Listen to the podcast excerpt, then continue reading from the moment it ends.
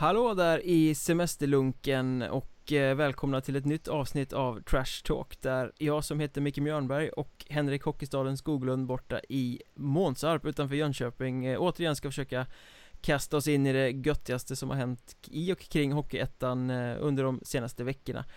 Det är sommar men det händer en hel del i alla fall. Ja, det gör det. Det har, det har börjat dra igång lite här nu med igen efter lite sommarstiltje. Eh, nu har det kommit lite värvningar, lite kapprustningar och, och lite allting. Så att, eh, mycket spännande. Eh, men det, det händer inte jättemycket på hemsidorna. Nej, det är väl lite så som att vi går in i de här, om man ska kalla det lite elakt för a-kassa-veckorna nu också Är det nu alla de här spelarna som har gått på a-kassa hela sommaren börjar presenteras som klara för sina lag Det är de här sista detaljerna har fallit på plats och de har skrivit på eh, Det är likadant varje år. Men hemsidor snackar jag om, det är, ja, sommarstiltje är väl ett ganska bra ord när man pratar om klubbarna och deras hemsidor. Ja, lite. Det, det hände inte allt för mycket och det, vi hade uppe det för något år sedan då vi var kritiska och, allt det där och det, det har väl sina naturliga förklaringar med. Det, alltså, det är ju ideella eldsjälar som, som oftast driver eh, Hockeyettan-klubbarnas hemsidor och eh, fan, de behöver lite semester och, och så också.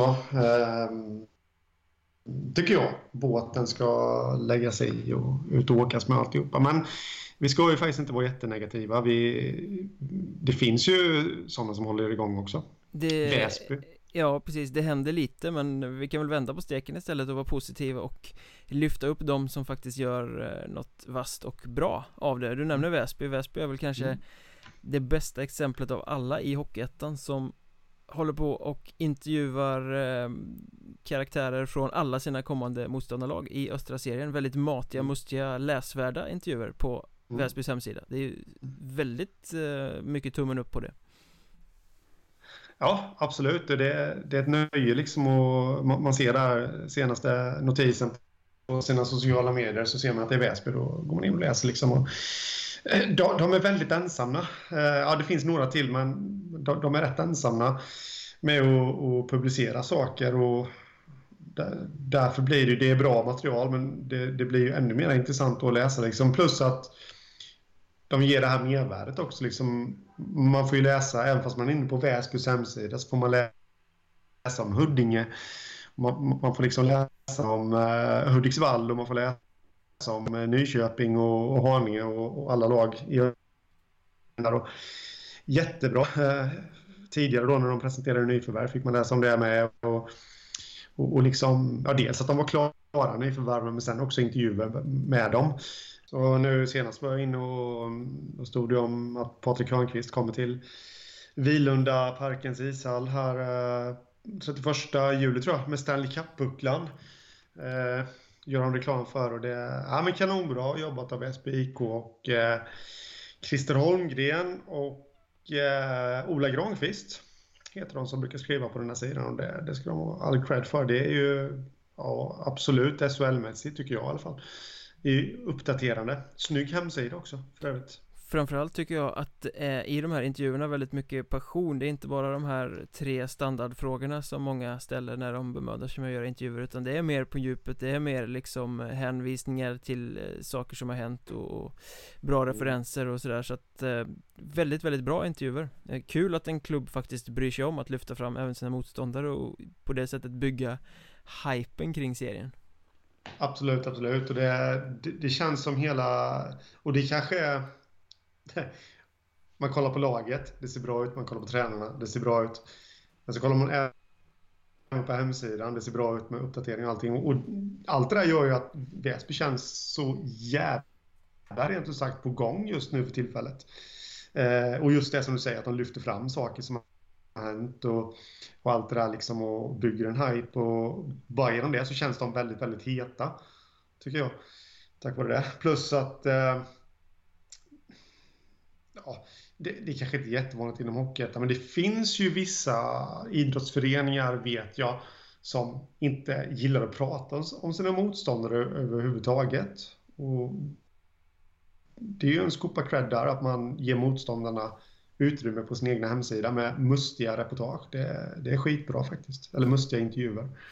Eh, och där kan vi faktiskt ta klivet vidare till Västerås också som har dragit igång en liten artikelserie där man eh, presenterar sina kommande motståndare inför kommande säsong med lite mer statistik och, och eh, historik sådär Det är inga intervjuer utan lite mer torftigt material men fantastiskt bra för fansen i Västerås som ju ska in i en serie de inte kan någonting om. Så att där hjälper ju Västerås eh, på sin hemsida till att skapa lite förståelse för sin egen fanbase för eh, vad som väntar i höst. Även om mm. det fortfarande är svårt att föreställa sig kanske vad Surahammar, Köping och Arboga kommer erbjuda som Modo, Björklöven och eh, Mora gjorde förra säsongen. Ja, precis. Uh, Nej, så är det Men, eh, och det får väl hoppas att de är medvetna om också Men jag, jag Också det är ju ett litet sätt att eh, Det kommer bli många derbyn för Västerås och, och bara genom att skriva om motståndarna på hemsidan få upp den pulsen lite grann också. Även fast som du säger det är lite torftigt och sånt. Man hade ju önskat att någon gång i historien så har ju Surahammar och Västerås mötts i seriesammanhang och man hade ju kanske önskat att det hade lyfts fram något från episod därifrån liksom som för supportrarna att spinna vidare på. Om jag nu så nu börjar gnälla ändå Ja men de, de lyfter ju ändå fram hur många gånger lagen har mötts i seriesammanhang och vad det står i antalet segrar Precis Det, det får man vara nöjd med också Liksom, eh, vad står det då? Mellan Surahammar och Västerås? Så eh, intensivt och nära har jag faktiskt inte läst Ah, de, de har nog inte kört Surahammar än så du är faktiskt ursäktad men eh, om man ska kolla Enköping här så Den läste jag häromdagen. Eh, Senaste gången lagen möttes var år 2000 Då vann Västerås med 9-4 Sedan Marcus Söderqvist gjort tre av målen. Ja men det är sånt där liksom som fångar en passionerad historiker som mig i alla fall. Ja, tummen upp för Västerås också då och Absolut. sen passar vi på att hylla Borlänge lite också som föredömligt lägger ut videointervjuer med nyförvärv och försöker bygga lite karaktärer kring sina nya spelare. Mm, absolut, skitbra det med. Tycker jag och liksom Vi pratade om det, det var förra avsnittet va, med det här med ispremiärerna och bygga karaktärerna och alltihopa och det gör de ju genom det gör man ju kanske bättre genom videointervjuer. För där, där, där får ju liksom... Där läser ju inte bara ja, publiken så att säga orden då, utan de får även höra dem från spelaren själv och i vilket tonfall han säger dem och, och allt det där. Så det, jag, jag har ingenting emot text. Jag, jag tycker själv att det är mycket bättre att läsa än att kolla på videoklipp. Men videoklipp förmedlar känslor mycket, mycket bättre också. Och det handlar ju lite om att eh, både du och jag börjar bli gamla som gatan Att vi gillar text mer än video. Den yngre generationen är ju mer hooked på video. Apropå nya spelare förresten. Daniel Åsberg till Helsingborg Om vi snabbt byter ämne till eh, heta nyförvärv den senaste tiden. Mm. eh, Den smällde ganska högt, den kom oväntat skulle jag säga. Ja, jätteoväntat och, och äh, det är bara att gratulera Helsingborg till ett bra nyförvärv jag kommer återkomma lite till, jag vill grotta ner mig lite i det där, men ska vi köra Helsingborg lite överlag? De, de känns, vi har sagt det innan, eh, och då höll jag inte med dig, men, men sen har jag liksom, ja men de, de känns rätt intressanta ändå, Helsingborg. Jag, jag säger inte att de kommer gå till allettan, men de kommer nog vara med. Det känns som att de kommer vara ett jämnare lag i år, eh, faktiskt, och att de kryddar den här anrättningen då med Daniel Åsberg, det, det tror jag kan bli det som, som tar dem till allettan faktiskt. Ja, de har ju lyckats behålla bästa poängmakaren, bästa målskytten och bästa spelaren från fjolårssäsongen. Och sen så kommer Daniel Åsberg in här nu då som har en historik och en, en meritlista som inte direkt skäms för sig. Han har ju varit grym i Hockeyallsvenskan under sin karriär. Eh, vet vart målet är beläget, kan bli lite av lagpappa i det här bygget om han är på det mm. humöret när han kommer in För jag känner att eh, om Daniel Åsberg är en bra eller en grym värvning För det är typ den skalan jag tror att man ska titta på eh, Det avgörs ju bara av hans eh, motivation och hur mycket han brinner för den här uppgiften mm. han, Precis, han kommer hem och, och ska satsa på den civila karriären eh, Valde väl mellan att bosätta sig i Ängelholm och, eller i Växjö. Och det blev Ängelholm. Och spelar i Helsingborg då. Eh, ska få barn också. Jag vet inte om hon var några sedan tidigare, men han ska få barn och det känns ju som att han kommer eh, vara rätt harmonisk i alla fall.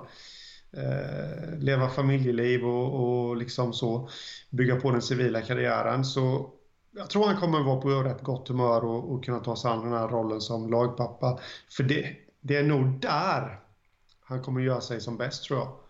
För, för kollar man jag, jag är inte tveksam till den här värvningen absolut inte, så att ingen missförstår mig. Men det är inte samma Daniel Åsberg som äh, lämnade Sverige. Äh, eller ja, som lämnade SHL och Växjö.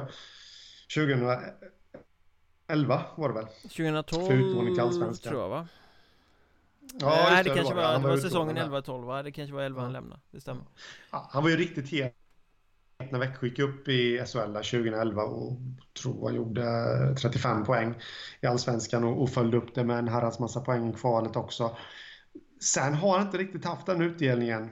Eh, snittade en poäng i Frankrike för några säsonger sedan, men ja, det är väl bra liksom och så. Eh, nu har han varit i Norge, en poäng i snitt där med. Senaste säsongen så var han i Brad Clan i eh, ja, Engel, Storbritanniens högsta liga. Ja, det är engelska ligan, men laget kommer från Skottland tror jag. Det var väl där ja. eh, Michael Sajkovski stod förra säsongen också. Så var det nog ja.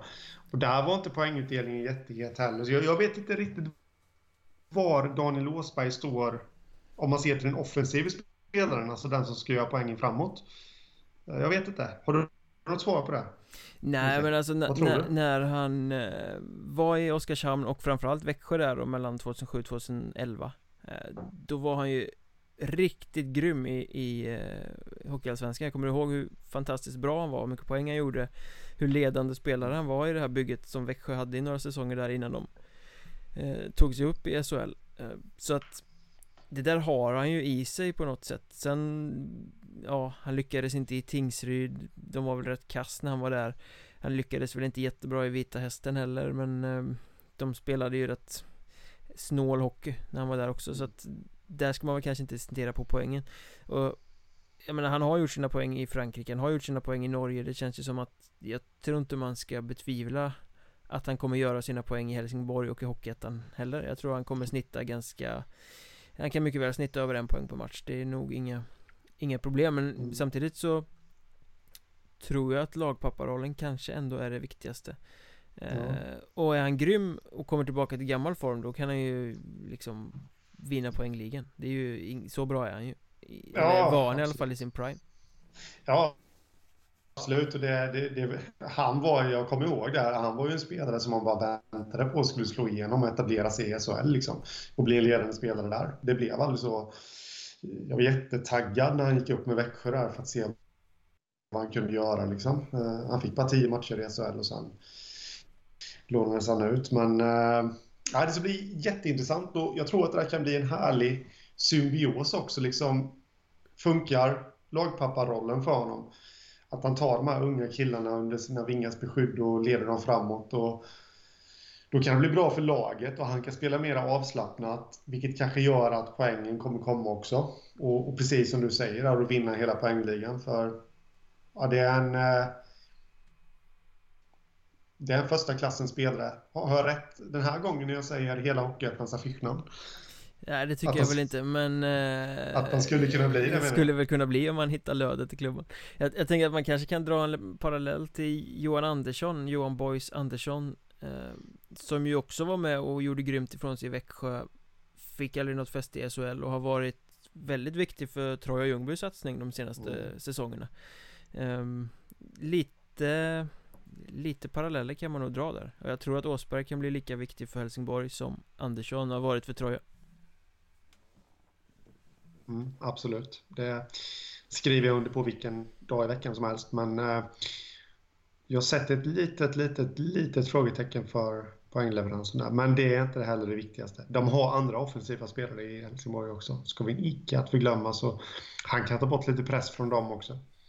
Vad så tror... de exploderar. Ja, vad, vad tror du då om eh, poängleveransen för Marcus Fornell i Lindlöven? Eh, som blev klart här alldeles nyligen också. mm. Han avslutade säsongen med Almtuna i Allsvenskan och kommer nu tillbaka till Hockeyettan och signar med Lindlöven Lite oväntat men det känns väl som en av de tyngre värvningarna på senare tid i alla fall Ja Det gör det verkligen och det var väl lite överraskande att han skulle gå dit. Gjorde, alltså, kommer från, eh, han gick över till Almtuna? Så det är väl Almtuna han kommer ifrån här.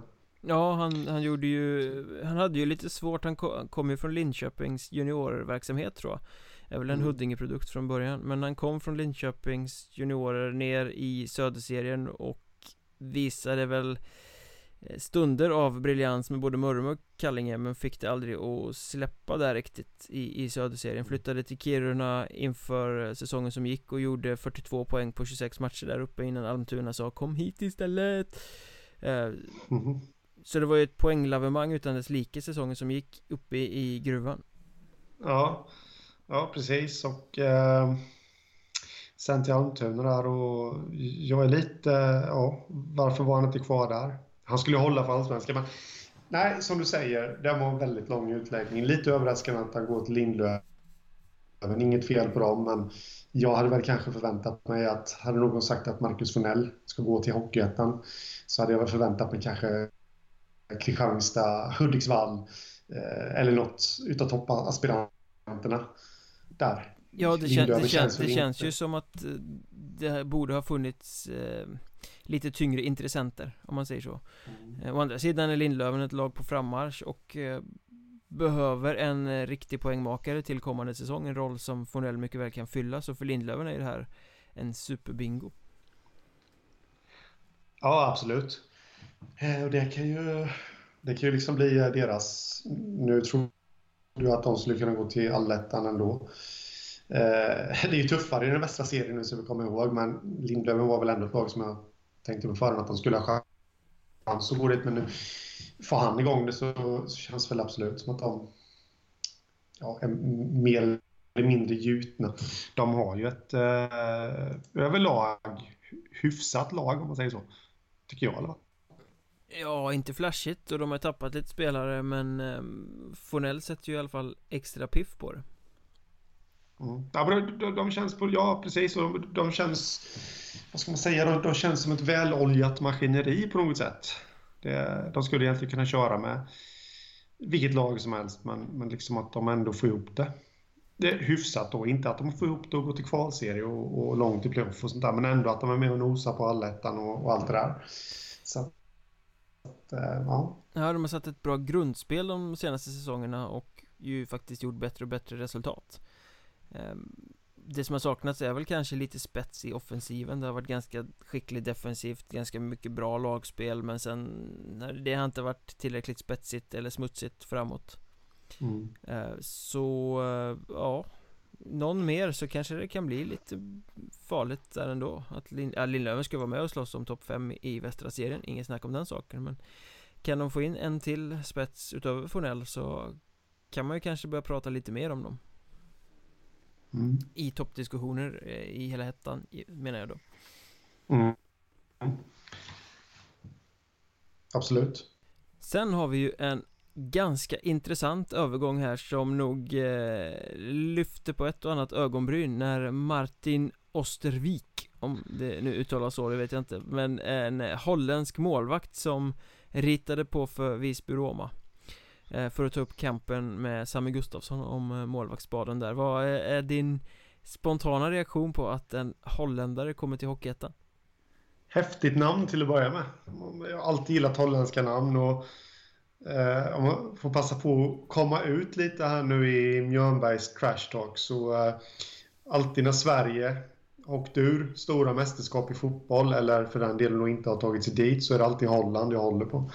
Efter det, jag, jag är lite Hollandsvurmare så här och ska jag dra till med en annan liten sån här grej så var det lite synd att han inte gick till Västervik. Ostervik, Västervik. Ja. det är, måste vara någon form av Göteborgs skämt varje poddavsnitt, annars är det inte på riktigt. Nej, nej så är det. Uh, nej, min spontana reaktion är faktiskt varför. På något sätt. Jag, alltså Sverige har, ja, jag skulle vilja säga att vi har världens bästa målvaktsbestånd. Eh, vi har Henke Lundqvist, vi har Jonas Enroth, vi har eh, ja, Linus Hullmark och allt vad de heter. Anders Nilsson, eh, Jakob Markström. Jag kan rabbla hur många som helst. Eh, varav flera av dem är aktuella för OS-truppen och... Eh, eh, nej, inte OS-truppen. Jo, OS-truppen. Det är OS här snart. Utav de som vaktar målet i KHL då. Eh, det är grym konkurrens. Vi har grymma svenska målvakter i SHL och allt det här spiller över på Hockeyallsvenskan. Allt det här spiller över på Hockeyettan. Vi har sjukt bra målvakter. Vi har ju suttit här i podden innan och pratat om att ja, men den målvakten går nog till allsvenskan och, och sen är han fortfarande kvar i Hockeyettan för att det är sån grym konkurrens. Då blir jag lite frågande till att Visby plockar in en holländare som... Eh, eller ja, jag kan förstå att man plockar in en utländsk målvakt, visst, men, men liksom en holländare då som stått i den tyska tredje ligan, han har stått i det holländska landslaget, dock inte på senare tid. Eh, jag är lite tveksam till den värvningen. Han kanske är jättebra, jag kan för lite om honom. Eh, ja, det är så jag känner. Jag, jag är lite tveksam till den värvningen. Att, eh, hur tänkte de där? Jag, Men, du menar alltså ja. att vi har så mycket bra målvakter i Sverige så vi behöver inte hämta in internationella målvakter för att ta platser med, medan vi har ju suttit och vurmat och sagt att eh, exotiska värvningar är skitkul. Vi vill se mer eh, spelare från lite konstiga nationer komma till Hockeyettan. Men då ser du hellre det på back och forwards eh, plats där de kan mixas in på ett annat sätt. Ska jag tolka det så? Ja, så kan du tolka mig. Även fast allting är inte svart eller vitt. Eh, Jag blir lite frågande till att man plockar in en utländsk målvakt som så gjutet kommer vara andra målvakt. Eh, som första målvakt, fine, det hade jag liksom, eller var med och slåss om spaden, men jag tror inte för fem öre att Ostervik kommer kunna ta upp kampen med Samuel Gustafsson. Eh, han kommer definitivt få sina matcher och han kommer nog garanterat göra det bra också, men, men den som står där sen i slutet av säsongen, det är ju likförbannat Samuel Gustafsson. Eh, det är det jag blir lite frågande till. Sen gillar jag själva tanken att ta in exotiska inslag. Det har du helt rätt i. Och jag har ingenting emot att man tar in utländska målvakter heller, men, men jag blir lite frågande ändå till att man tar in en målvakt som kanske max, absolut max kommer få tio matcher på hela säsongen. Men tror du inte att det är just det som är anledningen till att de måste ta en eh, internationell målvakt? Alltså, det är svårt att locka en svensk målvakt till Gotland för att spela andra fiol. Mm. Eh, I Sverige vet alla att Samuel Gustafsson kommer vara etta i Visby, något annat finns inte på kartan I Sverige vet alla att det är inte så jävla eh, Lattjo alla dagar och eh, Eh, spela i Visby på Gotland i och med att du måste ha båtresorna fram och tillbaka och liksom det är lite mäckigare att spela där än att spela i Tyresö eller i Vallentuna eller något där du typ kan krypa till hemma och bortamatcherna ehm, och mm. fine för mm. att eh, ha det här mäcket med båt fram och tillbaka till varje bortamatch och mm, sova lite och gå upp och jobba och sånt. Om du vet att du har en viktig plats i laget. Eh, mm. Men att ha allt det där mäcket för att stå och öppna en båsdörr kanske inte är så jävla lockande. Det kanske är så att det är svårt att locka en, en svensk andra keeper till Visby. Det är det jag tror är anledningen Faktiskt till att eh, Det känns som att man sitter och rackar ner nu på Ostervik. Det gör jag absolut inte eh, jag, jag, tror han kommer jag, jag, tror inte han kommer göra bort sig när han får sina matcher, absolut inte eh, Men precis som du säger där att det är nog lite ja, att det just är Visby på Gotland det handlar om också. Som, som gör att eh, de har fått gå långt bortanför havet, danska havet där vid då, ända ner till Holland för att hitta en målvakt. Det är det jag tror är anledningen. Ja, jag har absolut ingen aning alls om var den här killen står. Han har helt okej okay stats från Tilbury Trappers där i tyska tredje ligan där det här holländska laget då spelar. Um, mm. Och jag har väl, ska väl villigt erkänna att jag har inte jättekoll på vilken klass den tyska tredje ligan håller heller eh, Men jag tror väl inte att den är jättehög Det är i alla fall inte Hockeyettan-klass på den. Det har jag väldigt svårt att se. Nej, nej absolut inte. Jag, jag, Nej, nej det, det, Utan att jag kan veta helt säkert heller Men där, där drämmer jag näven i bordet och säger nej de, de är inte i närheten ändå Av den svenska Hockeyettan. Om man jämför tredje liga för tredje liga i Europa så Hockeyettan är ju Europas bästa tredje liga. Det tror jag vi kan slå fast i alla fall. Men samtidigt så vill man ju att det ska bli en succéstory Man vill ju att Östervik ska komma in här och kanske till och med ta första spaden och vara grym eh, För jag tycker det är förbannat roligt med de här exotiska inslagen som kommer in och faktiskt kan färga lite ja, Absolut Det vore ju skitkul med en holländsk första keeper som bara glänser i Hockeyettan Ja, ja, ja, absolut. Jag menar det jag säger absolut ingenting om. Jag skulle också tycka att det var hur häftigt som helst. Och han, han, eh, det är bara bra för, för holländsk hockey också, liksom, om han skulle utvecklas här i Sverige. Vilket han förmodligen kommer göra ändå, även fast han inte står en enda match, har jag en känsla av, så kommer han utvecklas på träningarna. Men eh, absolut, så är det. Och vi vill ju ha exotiska inslag och, och alltihopa det. Anledningen till att jag vänder mig lite mot den här värvningen är ju just det faktum att den här eh, andra, eller ja, målvakt och så tydligt är invärvad som andra målvakt också. Däremot så ska vi väl kanske för att vara lite pessimistisk säga att holländska spelare och Hockeyettan brukar inte funka särskilt bra. Ehm, det finns några exempel på spelare som har kommit hit och inte lyckats eh, slå sig in överhuvudtaget. Ehm, jag tänker säsongen 10-11 där då eh, hämtade ju Mörrum in en back som hette Erik Trummers Tummers ehm, Han hade varit lagkapten i, nu ska vi se om jag kan uttala det här Reuters Iters Gelen eh, Poängstark back, lagkapten där i ett lag i den holländska ligan mm. Han tog, kom in på tryout, han tog ingen tröja i Mörrum överhuvudtaget Åkte mm. tillbaka mm. till de här Iters Gelen och blev lagkapten igen och eh, bidrog väldigt mycket där eh, Funkar inte i Sverige. Säsongen därpå så försökte Nybro med en kille som heter Tommy Demelin Som eh, Han kom in till Nybro och hade gjort 82 poäng på 42 matcher i holländska ligan säsongen innan eh, I ett lag som hette The Hauge. Hyst The Hauge. Eh, samma säsong så gjorde han som eh, Sebastian Ottosson och Niklas Dahlberg från Tranås har gjort den här säsongen. Drog till Australien och spelade hockey med mm. Sydney Bears. Så där gjorde han 41 poäng på 16 matcher i australiensiska ligan Det är ja. rätt ska alltså 82 poäng på 42 matcher, 41 poäng på 16 matcher Det är rätt skapliga eh, liksom poängsnitt får man minst sagt mm. säga Han var med i tryout i Nybro som den säsongen hade ett rätt pissigt dåligt lag eh, Riktigt mm. grått var det eh, Tog ingen tröja, fick åka tillbaka till Holland innan säsongen ens hade börjat mm. eh, Och gjorde där 64 poäng på 44 matcher den säsongen i The Hauge Så att eh, mm. Då var han svingrym där men inte ens nära eh, mm. Och sen hade vi ju han den här killen Rafael Joly Som var i Kallinge i tre matcher och försökte slå sig in på tryout i KRIF säsongen 14-15 Han hade väl kanadensiskt pass också tror jag om jag kommer ihåg rätt där och hade gjort 101 poäng på 36 matcher i Holland för det här Hysdy Hauge-laget också 27 poäng på 13 slutspelsmatcher, superspetsig där nere eh, Nej, han tog ingen tröja i KRIF Åkte tillbaka ner i, i Europa och har spelat i eh, Duisburg i tyska tredje ligan sen dess med väldigt poängstarkt eh, resultat. Mm. Så vi ser det, det har kommit. Det här är förvisso forwards men det, och en back. Men de har kommit Väldigt eh, duktiga holländare från toppskiktet av ligan där nere och inte lyckats här uppe. Ja, ja men så är det ju. Det är väl lite det du nämner att förvisso forwards och en back där. Det är väl lite det som kan tala för Martin Ostervik eh, från Groningen. Eh, att eh, han eh, är målvakt. Det är lite skillnad på, enkelt talat, du, du ska stoppa puckarna. Eh, och det, det kan du göra i vilken liga som helst egentligen, lika bra. Det, det, sen är det skillnad, självklart. Eh, det, det går snabbare här i Sverige, kan jag tänka mig. Och, eh, men, men det är väl det som talar för att det skulle kunna bli en succé. Men han, han har ju oddsen emot sig. Det, det, kan man inte säga annat.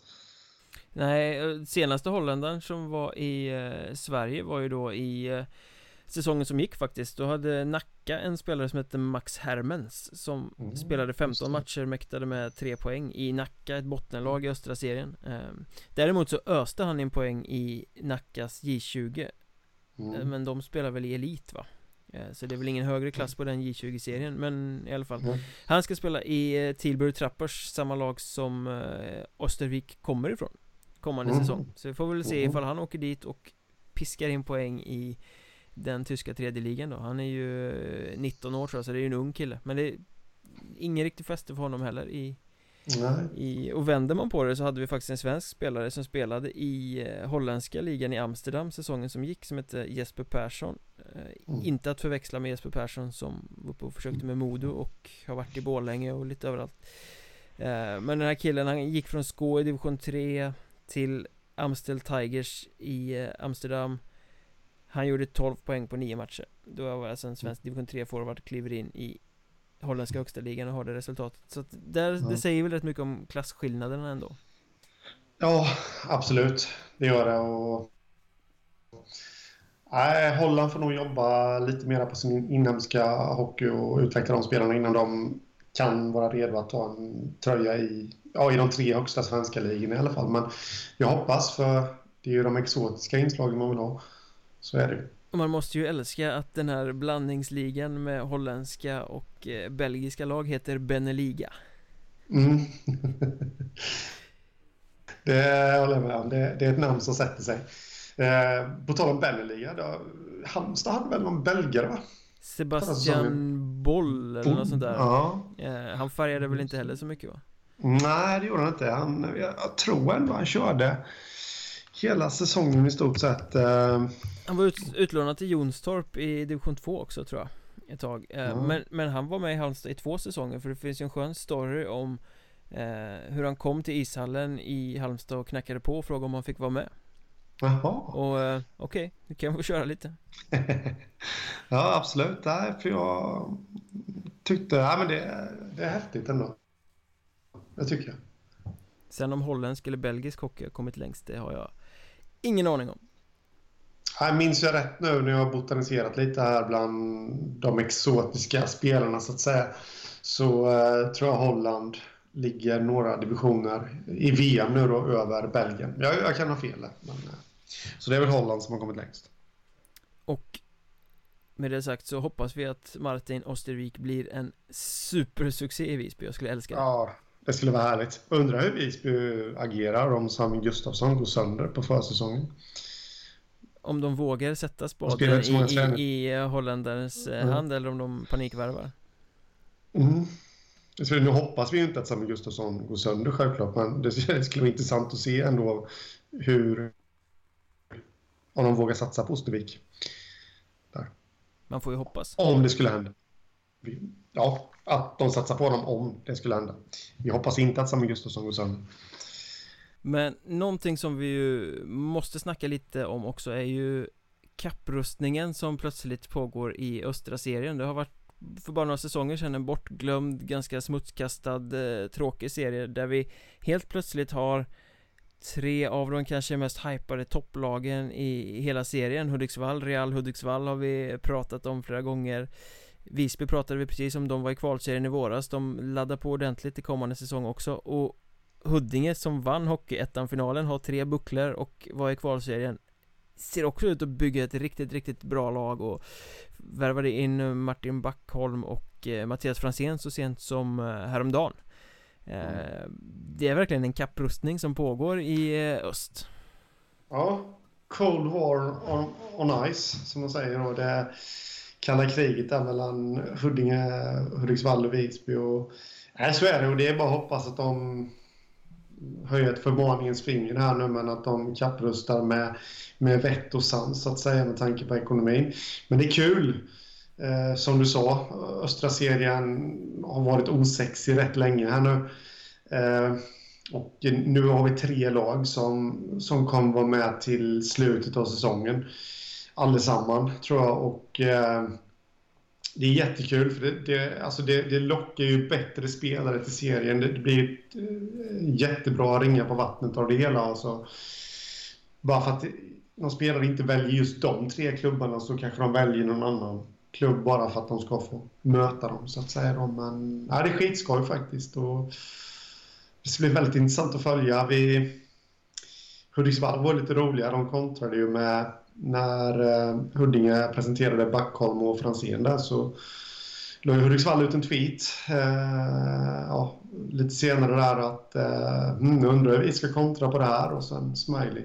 Ja, det, Hudiksvall måste man ju gilla på det sättet att de är lite roliga i sociala medier och skapar lite hype och hets och eldar på ja. och har lite humor. Ja. Eh, på ett helt annat sätt än vad officiella konton brukar ha.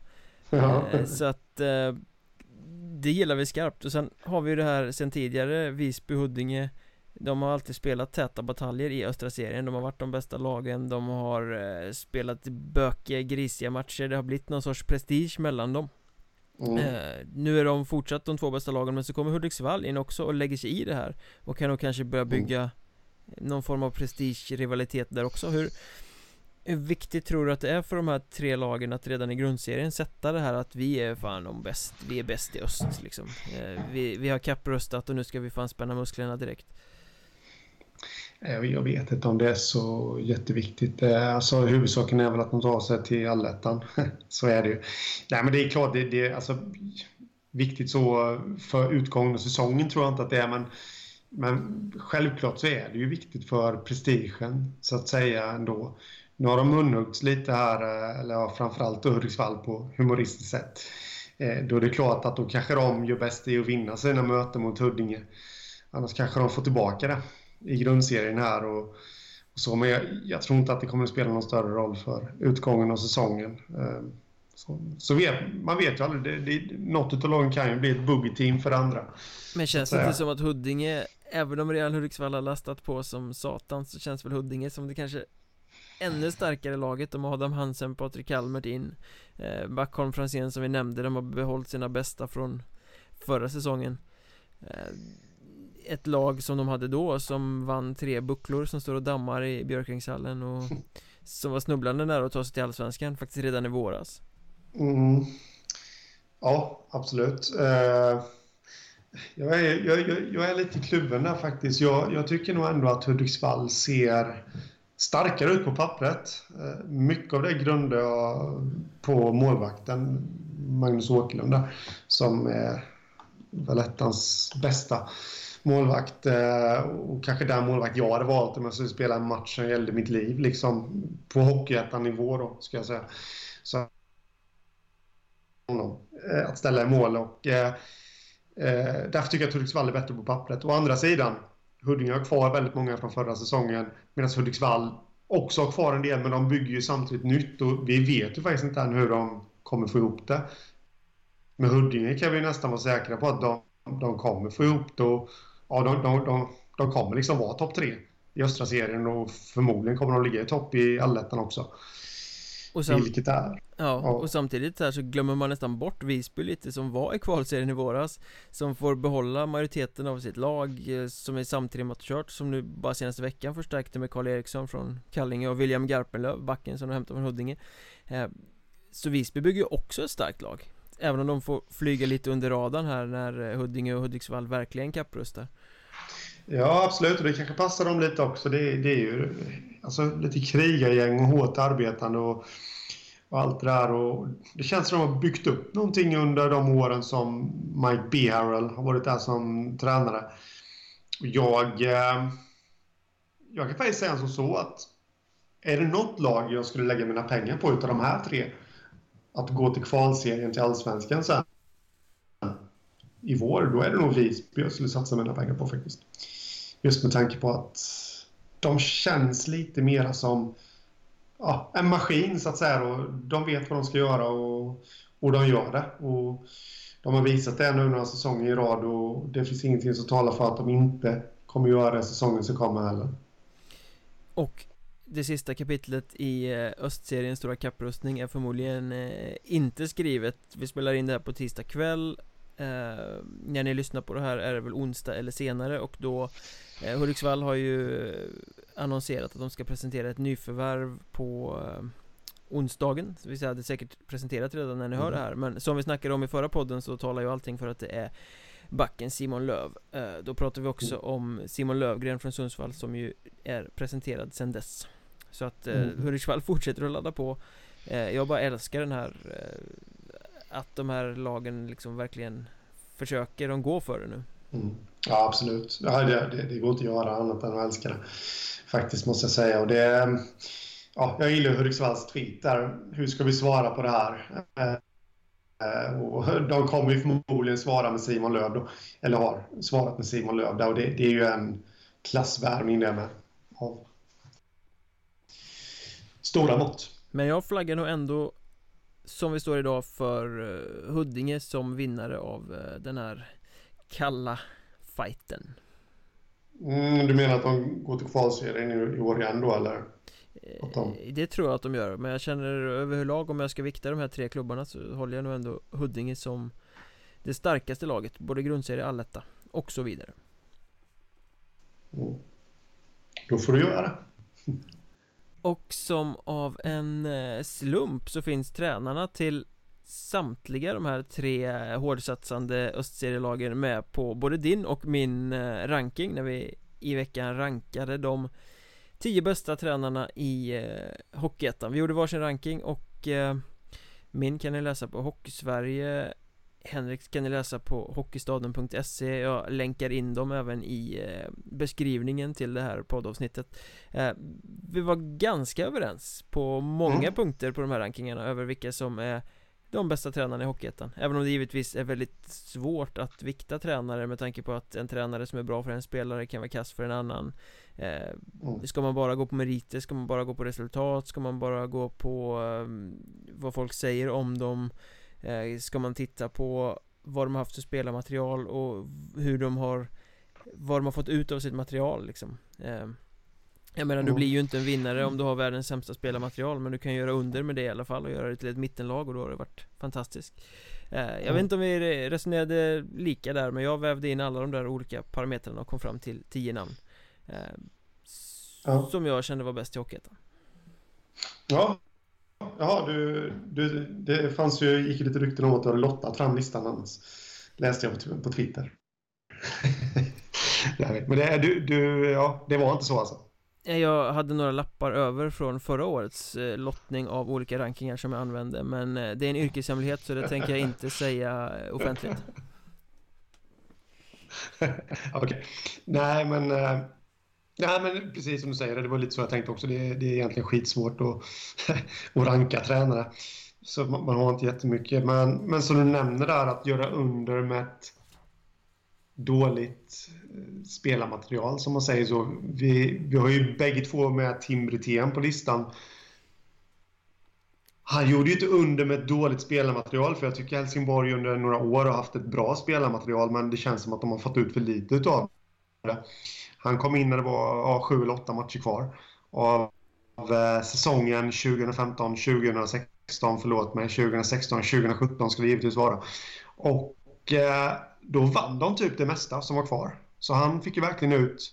Han lyckades, det var väl föregångaren som kanske hade fått ut för lite då, men jag, jag tycker Tim Brithén känns intressant som tränare. Han har varit runt lite, fått prova på SHL. Varit assisterande i HV där bakom Johan Lindbom när det blåste jättemycket i den föreningen till en början och, och så. så han har rutinen eh, från det och tror jag kan stå starkt när det blåser. Plus han är från en hockeyfamilj. Jag menar när eh, Jim Brithén, Tim Brithén och Ted Brithén sitter och käkar familjemiddag. Det är klart de snackar hockey och det är klart att han, Tim, då snappar upp från eh, brorsan och farsan också liksom. Så, nej. Lite lustigt faktiskt att vi båda har honom på sjunde plats.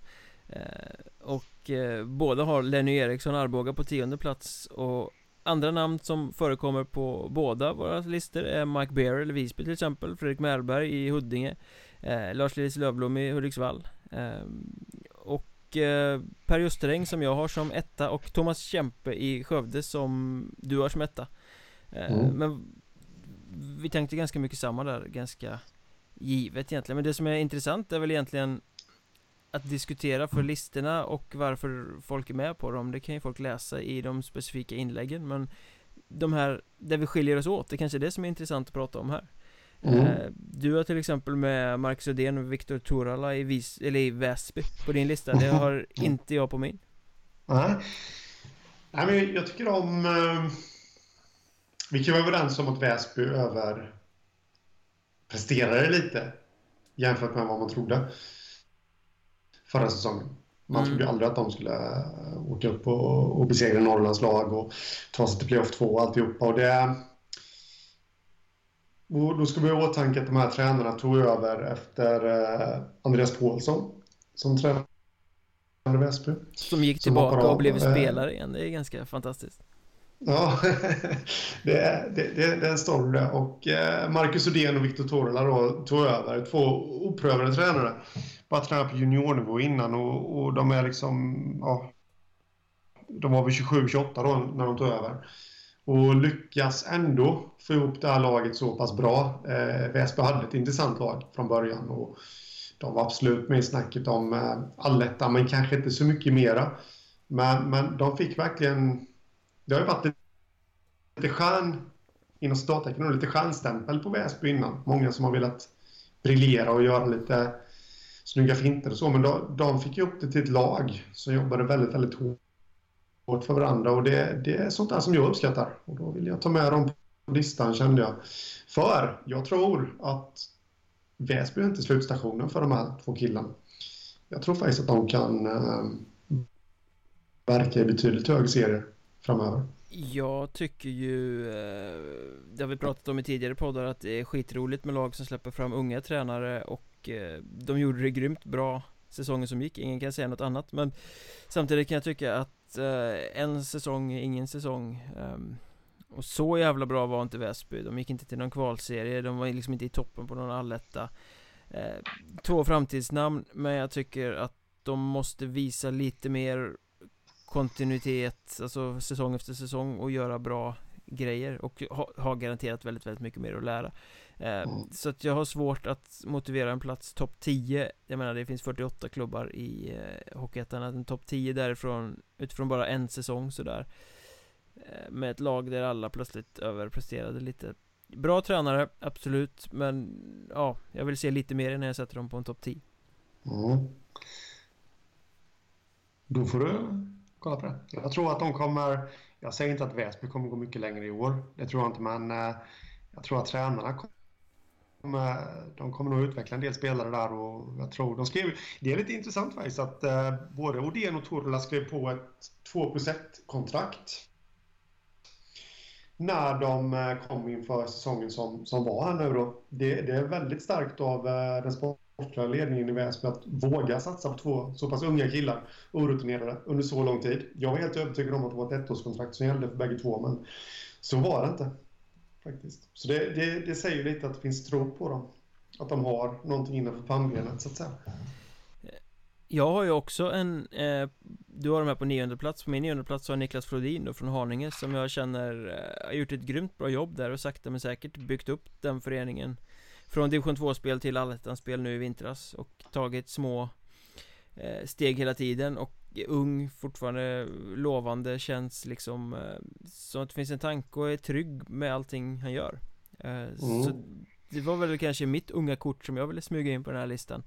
Eh, som jag känner att jag tror mycket på, men han är ändå fem säsonger tror jag det är i, i Haninge.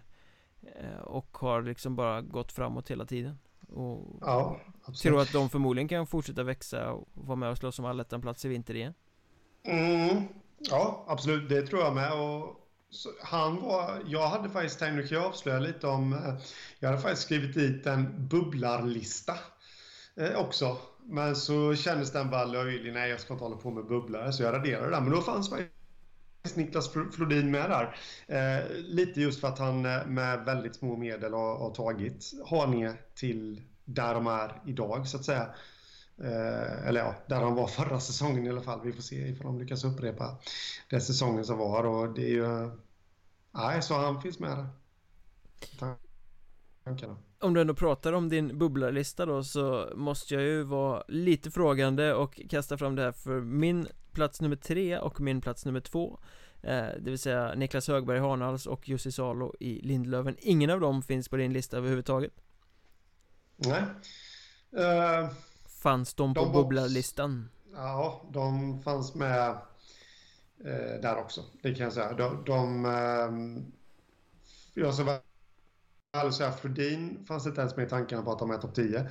Men både Jussi Salo och eh, Högberg här då fanns med eh, långt i mina inre diskussioner. Men eh, ja, jag vet inte riktigt varför. Jussi Salo, full respekt för honom som tränare, men eh, eh, ah, jag tror nog jätteduktig. Men han får nog ta Lindlöven långt, lite längre eh, nästa säsong för att han ska vara med på listan. Och samma sak med Högberg som är välutbildad och funnits med i förbundet och coachat Damkronorna. Plockade upp Hanals i, i eh, ettan från division 2 men sen tog ett steg åt sidan.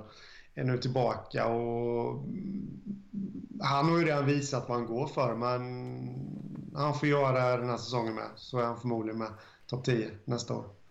Eh, jag, jag, tycker uppenbart att båda är helt gjutna i toppen på sådana här listor ja, efter, jo, efter det jobb som eh, de har gjort. Ja, det förstod jag. David. Däremot har du Andreas Holfelt på eh, din lista. Det är också en intressant resa kan jag känna.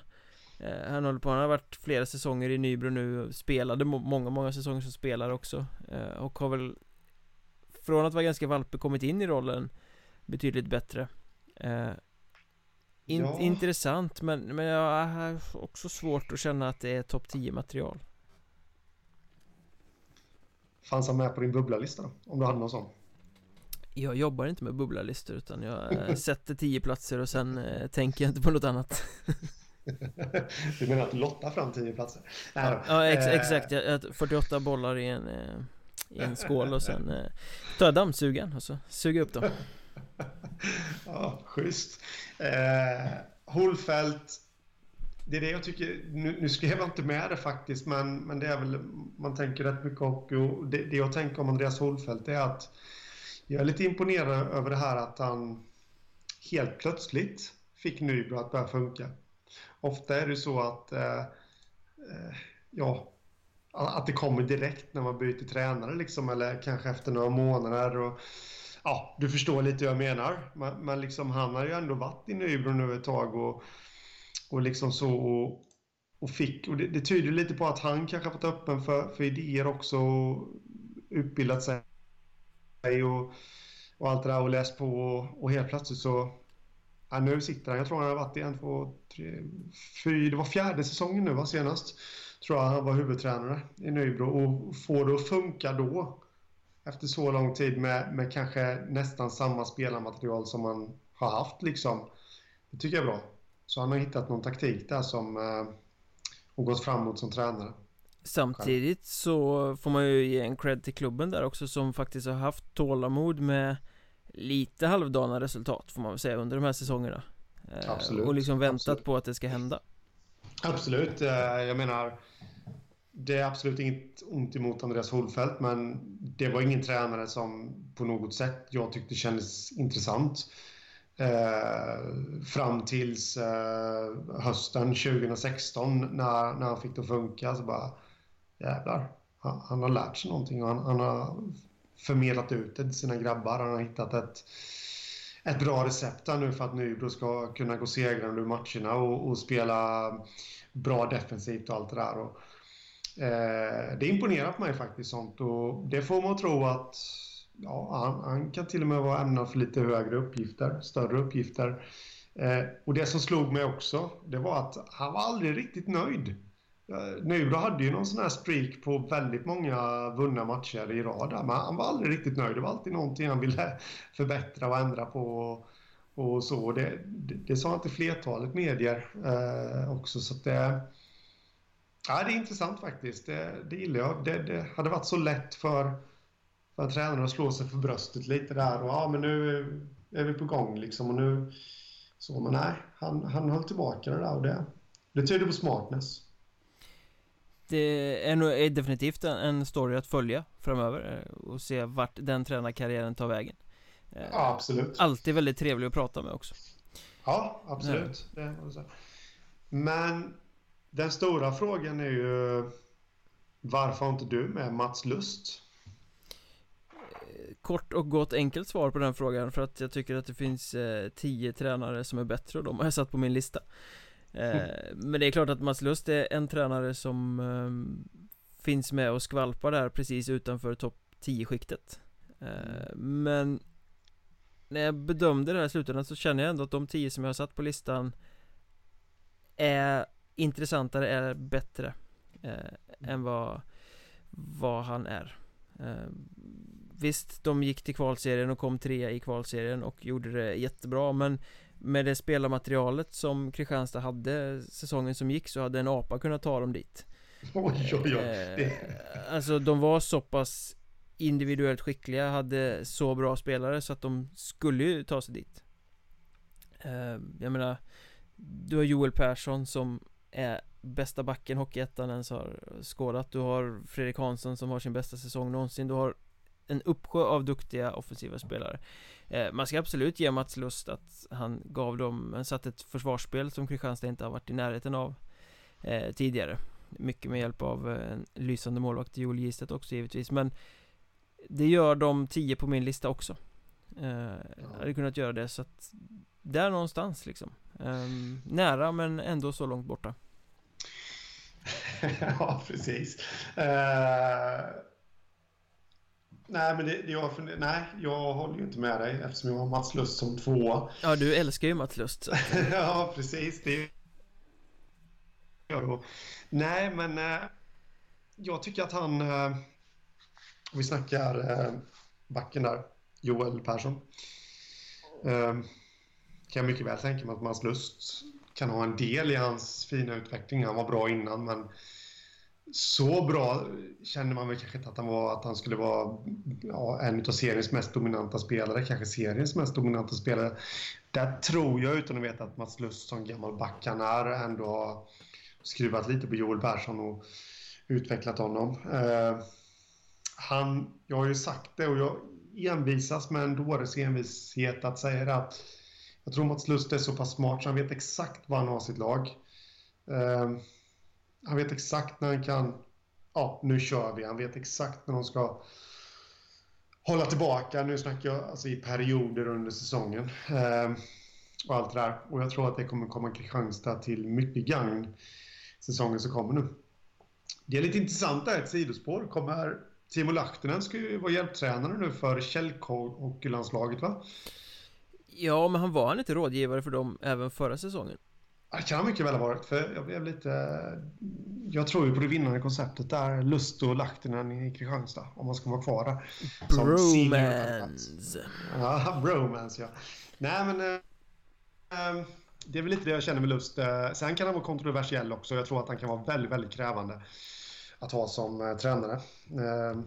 Jag, jag, tror att han han eh, hans personlighet, tränarpersonlighet tror jag har väldigt, väldigt svårt att fungera i en och samma förening under flera säsonger i rad. Han eh, är inte rädd för att göra sig obekväm så att säga. Eh, och, men än så länge tror jag att han funkar kanon i eh, Kristianstad. Och eh, jag tror dessutom att han utvecklar spelarna så att, ja, det är därför jag har honom på min andra plats. Man brukar prata om piska och morot och eh, en viss typ av regim och där tror jag väl att min etta Per Justereng är, mästare på att få Få ut mycket av ett litet material. Man kollar på Kriff säsongen som gick Hur bra de faktiskt blev Trots att de bara hade två spelare kvar från säsongen innan och Fick baka ihop det där med liksom Unga spelare och värvningar som kanske inte var stjärnor och spets och ändå sådär och han har ju gjort väldigt, väldigt bra jobb där Eh, Eh, med Kriff, därför har jag honom som, som etta eh, Så jag tror att han är också ganska hård men du måste ju vara hård och eh, någonting annat också Ja, precis. Det kan vi säga om, om jag, ja, med min lista, om jag jämför den med din så mitt val av att sätta Per Ljusträng eh, på en eh, sjätte plats ångrar jag nästan lite. Jag hade nog velat ha honom lite högre upp. Eh, jag vet inte varför. Jag måste fått någon slags stroke där eller någonting. Jag vet inte. Men äh, han är absolut topp fem. Äh, men, men, det var svårt att sätta någon annan eller honom före någon annan också. Men jag, nej, jag hyllar hans kvaliteter också. Jag, det är en tränare som jag absolut skulle välja om jag skulle vara sportchef för en Hockeyettan-klubb. Eh, får jag prata lite om min etta då? Thomas Kempe. Du får prata hur mycket du vill om din etta. Ja. Uh, nej, men jag, jag har honom som etta för att jag... Jag tycker, alltså han har lyckats väldigt, väldigt bra med de lagen han har haft eh, förut. Jag menar, Växjö eh, nådde inga topplaceringar i Allsvenskan när han var där den säsongen, men, men ändå de kom från en lite mörkare period för mig att det var lite ekonomiska bekymmer och alltihopa och tog ändå, om jag inte minns helt fel så var de dessutom väldigt, väldigt nederlagstippade den säsongen. Det var lite snack om att de skulle åka ur alltihopa och Kempe tog dem till en sjätteplats om jag inte minns fel. I allsvenskan var det då. Det var alltså långt innan SHL-äventyret där, mitten av 00-talet. Och eh, blev värvad till Leksand, ett av deras återtåg. Och tog dem till två första platser i allsvenskan. Eh, sen strandade det i kvalserien. Och, ja, jag vet inte riktigt om det var Kempes fel heller. Eh, så, han har ju plockat upp Skövde i allsvenskan tidigare, så han har väldigt starka meriter. Eh, och jag tycker nog att han lyckades bättre med Skövde säsongen som var nu efter att han återkom än vad man hade förväntat sig på förhand. Ja, det han Eller gjorde med, med Ja, absolut. Det han gjorde med Skövde säsongen som gick var ju att få ut mycket av lite. Alltså, mm. han... Eh, någon annan tränare hade nog inte fått ut så mycket av det material han hade att jobba med. Så han har ju extremt stor del skulle jag säga i att Skövde gick från att vara ett nedvikslag till att de faktiskt var det här laget som orkade i tredje perioden, som vände många matcher Som trots att de var nedlagstippare faktiskt gick och gjorde en helt okej okay alletta trots att de bara hade en kedja som stod för merparten av all produktion. Ehm, Och räckte till playoff där de faktiskt eh, De räckte väl inte riktigt mot Vimmerby men de gav dem en match i alla fall. Ja, ehm, Han lyfte ju Karlskrona till Allsvenskan också Ska man ju faktiskt säga så att han eh, Och många spelare säger ju det att det, Han är en jävel på att skapa den här vi mot världen mentaliteten Att mm. man tränar hårt och sen så liksom skapar han någon sorts sköld mellan laget och resten av världen. Här kommer ingen in och sätter sig på oss På något sätt. Hur han gör, mm. jag vet inte. Men eh... nej, nej, precis. Det ska bli intressant att veta hur han gör. Men, men jag Jag är faktiskt lite Det behöver inte grotta ner oss i Jag ville bara ha det sagt att jag har egentligen bara väntat i i 15 års tid på att Thomas Kempe ska ta över en SHL-klubb. För mig är det lite ett mysterium att han inte har varit där än. Faktiskt. Han drog väl sig tillbaka lite när han hade fått kicken någon gång där och gick tillbaka till brandmansyrket och funderade på sin mm. kammare. Ja, precis, men jag, jag, jag pratar, det var efter Karlskrona, han drog sig tillbaka där. Ehm, han fick ju kicken av ersatts av Janne Karlsson. Växjö-Janne. Skrik-Janne. Eh, Skrik-Janne, ja. eh, men eh, innan där menar jag, när, när han ändå var som hetast i, i Skövde och, och eh, Växjö och Leksand, ja det, det var en skräll för mig faktiskt. Han hade säkert anbud men det kanske inte var något som, som passade. Så det, ja, det är ett väldigt stort mysterium. Han är 50 bast så det är inte för sent än. Han har fortfarande 10-15 år kvar säkert som topptränare. Det är väl kanske den hockeyn han kör som talar lite emot honom då Som är mer strikt defensivt inriktad Visserligen så spelar SHL tråkig defensiv hockey men det är ingen som vågar säga det utan alla vill gärna linda in det i någonting som eh, mm. att det ska vara så mycket finare än vad det är eh, Det gör ju inte den här herrn, han lägger ju inte fingrarna emellan någonstans, han kör sitt race. Och sen är det så. Ja precis, ja, men det är bra. Man ska vara bestämd. Och med det så bestämmer jag att den här podden faktiskt får vara slut för den här gången. Vi har i vanlig ordning lyckats få ihop en dryg timme skulle jag tro eh, Utifrån vad som har hänt i Hockeyettan sen senast. Eller tycker du att vi har missat något? Vi har säkert missat jättemycket Men det finns ju fler poddavsnitt också. Och vill ja. man eh, påpeka någonting som vi har glömt eller missat eller tyckt fel om så finns vi ju i sociala medier. Där jag heter att Mjornberg där Henrik heter att Hockeystaden och där podden har sitt eget konto. Som fler och fler börjar följa vilket är skitkul att Mjornberg podd Det ska ni givetvis följa. På Facebook, Mjölnbergs Trash Talk eh, Hockeystaden.se, där hittar ni Henriks sköna rankingar. Eh, Mjolnberg.se, där hittar ni transfernyheter och snart också väldigt mycket intervjuer och göttigt eh, inför säsongstart. Eh, Just det. Plus då eh, poddarkiv, givetvis. Eh, Ja. Så att ni, ni ja. har att göra även när eh, det här avsnittet är avslutat. Jag trodde du flaggade för dina intervjupoddar. Du har ju varit ute och rest Den säsongen Så. kommer igång i eh, slutet av augusti ah, okej, okay. intressant, intressant Har du, har du åkt förbi Gränna då?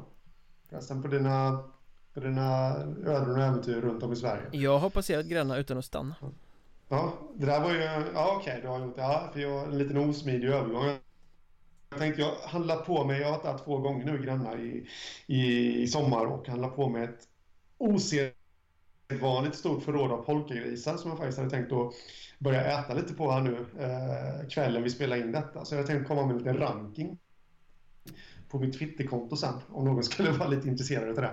Polkagrisranking. Olika polkagrissmaker alltså? Mm. Jag handlar på mig lite. Jag, jag, jag vet inte, jag fick något bryta in i någon butik och tänkte nej fan, nu, nu, nu köper jag många olika sorter. Får vi se. Jag tycker faktiskt att polkagris är rätt äckligt. Man blir bara så jävla beläggning på tänder och i gommen och sånt. Nej, polka, man ska inte äta för mycket av det men äh, nej, köper man på sig ett förråd någon gång per år så, så äh, då är det gott. Och därmed loggar jag ut och beger mig hetsigt in på Twitter för att avnjuta Henrik Hockeystaden Skoglunds eh, polkagris-ranking Tycker jag ni ska göra också. Vi hörs nästa vecka. Det gör vi, tja. Tja